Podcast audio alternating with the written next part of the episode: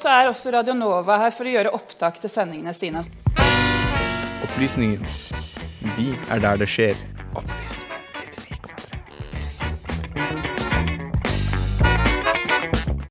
Yes! 7. januar. Nei, for mange kan det kanskje virke som om Norge har stor valgfrihet i hvilken butikk vi handler i, og hvilke matvarer vi handler. Men vet du hvem det er som eier butikken du handler i? Hvem som produserer maten du spiser, eller hvem som står for tjenestene når du ringer eller ser på TV? Trym Fjellheim Karlsen han har tatt ei lita titt på akkurat det i denne saken. For mange kan det virke som vi har stor valgfrihet i hvilke butikker vi handler hos. Stor valgfrihet med mange forskjellige mat- og husholdningsvarer. Men én ting folk kanskje ikke vet, er at det er noen få aktører som er i mange av butikkene vi handler i.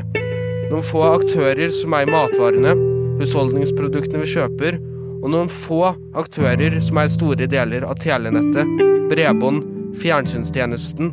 Dermed kan det virke som om valgfriheten ikke er så stor som en kanskje skulle tro.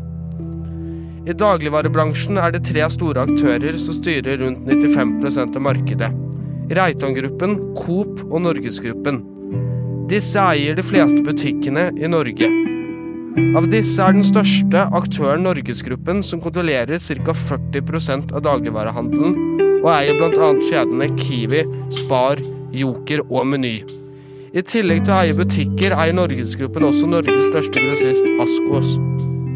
Asko sin oppgave er å levere varer fra produksjon til salg uten å bearbeide varene.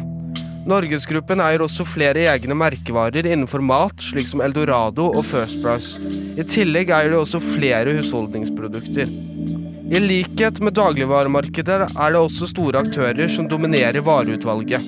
En av de største er Orkla, som eier merkevarer innen alt fra mat, godteri og snacks til personlig pleie og vaskemidler.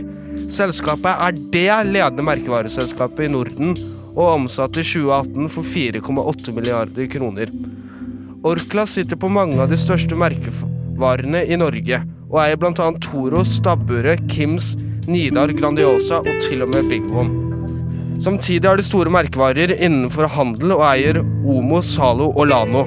I tillegg eier de selskaper som Jordan og Pierre Robert.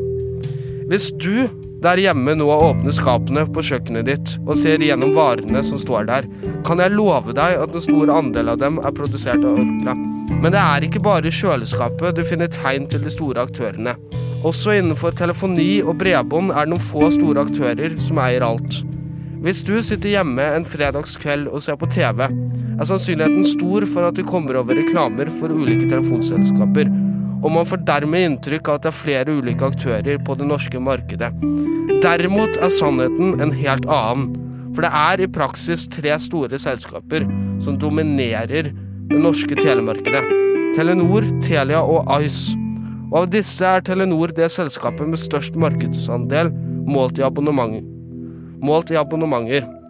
Fordelingen mellom de tre aktørene forteller oss at det er Telia og Telenor som i stor grad dominerer telefonibransjen. Men det er ikke bare på telenettet at Telenor sitter på rundt 50% av markedsandelen, mens Telia opptar rundt 40% Noe som da betyr at Ice sitter igjen med de resterende 10% Men det er ikke bare på telefoni at Telenor er store.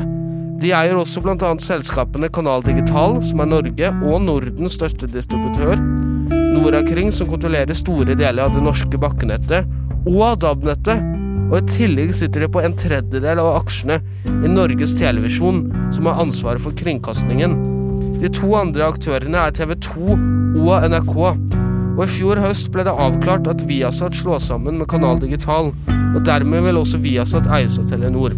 For mange av oss kan det da virke som det er stor valgfrihet i hvor vi handler, hva vi handler og hvor vi får bredbånd og telefondekningen vår fra. Men i realiteten er det noen få store aktører som i stor grad styrer deler av det norske markedet. Så når du kommer hjem i kveld, se gjennom skapene dine og se hvem som har produsert det du spiser.